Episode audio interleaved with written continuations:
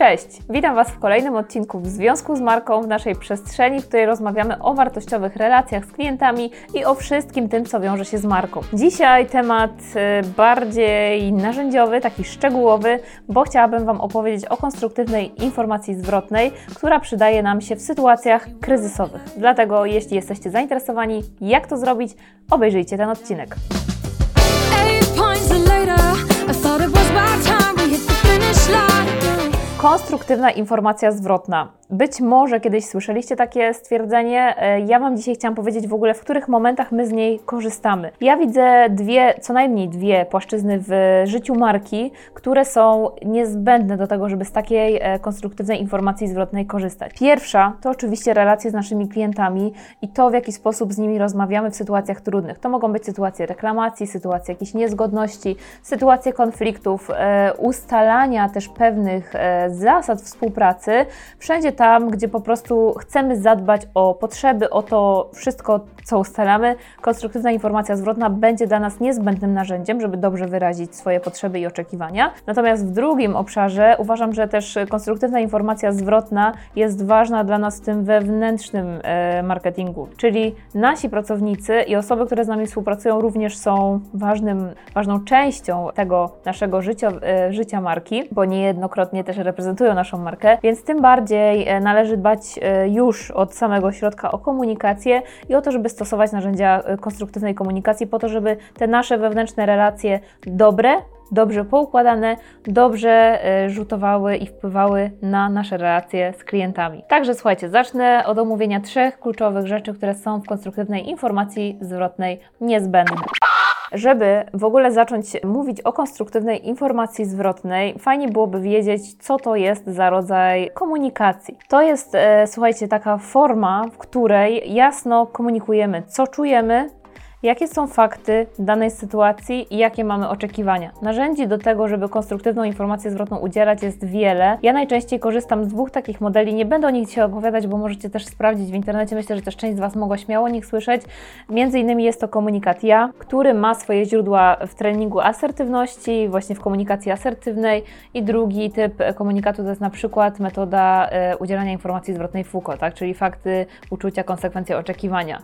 Ja dzisiaj Wam opowiem o tych trzech istotnych elementach, które się powtarzają tak naprawdę w każdym narzędziu, czyli o emocjach, o e, faktach i o tym, jakie mamy potrzeby, oczekiwania, po to, żebyśmy umieli po prostu dobrze je nazwać w momencie, kiedy mamy jakąś konfrontację. Konfrontacja to taka sytuacja, w której po prostu ustalamy pewne rzeczy, informujemy drugą stronę o swoich oczekiwaniach albo o tym, jakie mamy odczucia względem na przykład sytuacji, która się wydarzyła. I wiecie doskonale, że w budowaniu marki, w budowaniu relacji też z klientami, czy z, na przykład z pracownikami, z partnerami, takich sytuacji będzie bardzo dużo. Pierwszy punkt naszej drogi do konstruktywnej informacji zwrotnej to emocje. Emocje to temat rzeka, jest wiele koncepcji, które te emocje opisują, jest wiele słów, którymi możemy się posłużyć, e, żeby emocje określić.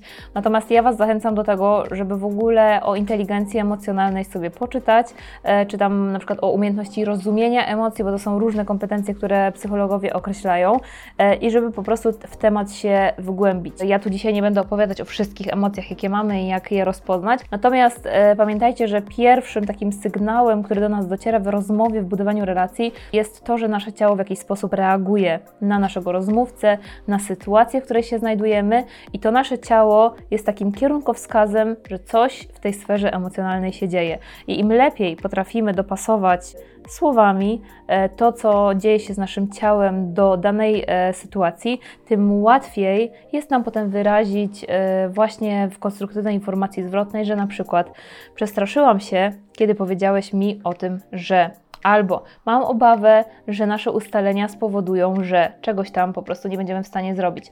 To się mogą wydawać bardzo proste komunikaty, natomiast w konstruktywnej informacji zwrotnej chodzi o to, żeby transparentnie komuś pokazać, co nam robi jego informacja zwrotna też, tak? Że na przykład się na coś nie zgadza, albo czegoś od nas wymaga, albo czymś nas zaskakuje i tak naprawdę to jest e, klucz do tego, żeby budować e, taką transparentną relację, w której wiemy, na co możemy sobie pozwolić. Kolejny bardzo ważny punkt e, konstruktywnej informacji zwrotnej, można by było powiedzieć, że najłatwiejszy, ale z doświadczenia wiem, że wcale nie taki prosty, to są fakty. Fakty to zdarzenia, które miały miejsce, które są pozbawione pozbawione jakiejkolwiek interpretacji.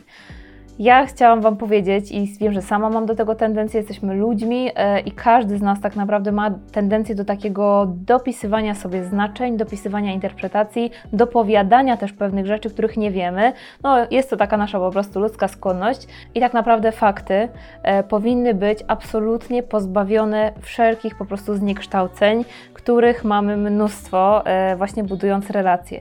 Bo bardzo często dopisujemy komuś intencje, na przykład czego on chciał, mówiąc nam pewne rzeczy, albo co on myślał, mówiąc nam to i to, albo e, co chciał osiągnąć, robiąc coś tam wobec nas. I tak naprawdę te wszystkie rzeczy, które znajdują się poza tym takim marginesem, e, powiedziałabym właśnie tego, co myślał, co chciał, jak właśnie jakie miał intencje, no to już są interpretacje, które niestety mm, na relacje wpływają niezbyt dobrze, bo te interpretacje są wyciągane z naszych doświadczeń. My nigdy nie jesteśmy w stanie e, odgadnąć, jakie intencje e, co, albo jakie myśli jakie powody w ogóle swoich działań miała druga strona, więc to jest również, e, wiecie, taka pułapka do tego, żeby e, w konstruktywnej informacji zwrotnej mieć świadomość, że ona jest i żeby po prostu uczyć się albo oduczać, wchodzić w te swoje mechanizmy. Fakty jesteśmy w stanie e, poznać bardzo szybko. Jest to po prostu sytuacja pozbawiona jakichkolwiek dopowiedzeń, czyli rzecz, która się wydarzyła. To tak jakbyśmy recenzowali jakiś reportaż, robili z wydarzenia. W reportażu z wydarzenia nie piszemy piszemy, tak, co ktoś sobie myślał, co ktoś czuł, tylko mówimy, że wydarzyło się to i to, że miało miejsce to i to i jakby ktoś coś powiedział, ktoś coś zrobił, natomiast nie dopisujemy do tego żadnych innych znaczeń. I o to chodzi właśnie w faktach. I ostatni e, taki kluczowy obszar konstruktywnej informacji zwrotnej, no bo jak już powiemy, jakie mamy uczucia, czy jakie mamy emocje względem jakiejś sytuacji, czy czegoś, kto coś do nas mówi, robi, potem nazwiemy dokładnie fakty, czyli co się wydarzyło, tak żeby on też mógł usłyszeć, jaka konkretnie sytuacja w nas te uczucia y, wywołuje, no to żeby ta informacja zwrotna faktycznie nosiła miano informacji zwrotnej, czyli tego, co wraca do naszego rozmówcy i co on ma tak naprawdę z tą informacją zrobić, to jest to zakomunikowanie potrzeb, swoich oczekiwań. I to jest niezwykle ważne y, w konstruktywnej informacji zwrotnej, że jakby w relacjach z naszymi klientami tutaj jakby potrzeby, oczekiwania za chwilkę powiem, czym można zastąpić. W relacjach z pracownikami będzie to niezwykle ważne, żeby właśnie komunikować, czego ja w takim razie od Ciebie potrzebuję, albo co możemy ustalić i zaczyna się rozmowa. Natomiast w relacjach z klientami ja Was też e, zachęcam do tego, żeby uczyć się komunikacji e, takiej poprzez komunikowanie rozwiązania problemu albo możliwości, w jaki sposób możemy te problemy rozwiązać. Często się spotykam, że my mamy taką tendencję, znaczy my mówimy mamy, nie wszyscy, ale jednak gdzieś spotykam taką tendencję do rozgrzebywania problemu, do szukania winnych, do e, takiego, wiecie, bawienia się w sędzie, że tutaj ile jest po Twojej stronie, ile jest po mojej stronie. Natomiast my mówimy o konstruktywnej informacji zwrotnej. Nie buduje to ani żadnej relacji, ani nie zbliża nas do rozwiązania problemu. Więc tak naprawdę zakomunikowanie potrzeby, czyli nawet dla klienta, że potrzebuje teraz z Panem ustalić, co zrobimy dalej, pozwala nam przejść do działania, do poszukiwania rozwiązania problemu. Albo od razu wyjść właśnie z propozycją, co my możemy zrobić w danej sytuacji, żeby właśnie już zmierzać do rozwiązania tego problemu. I to przełącza nam trochę te tory z wgłębiania się w problem, z takiego grzebania, które no, nie jest konstruktywne, bo marnuje nasz czas, energię, na ten tor, w którym e, już skupiamy się na rozwiązaniu problemu, już nasz klient, czy pracownik, e, czy partner są jakby w przygotowani na to, że ok, no to teraz coś z tym zróbmy.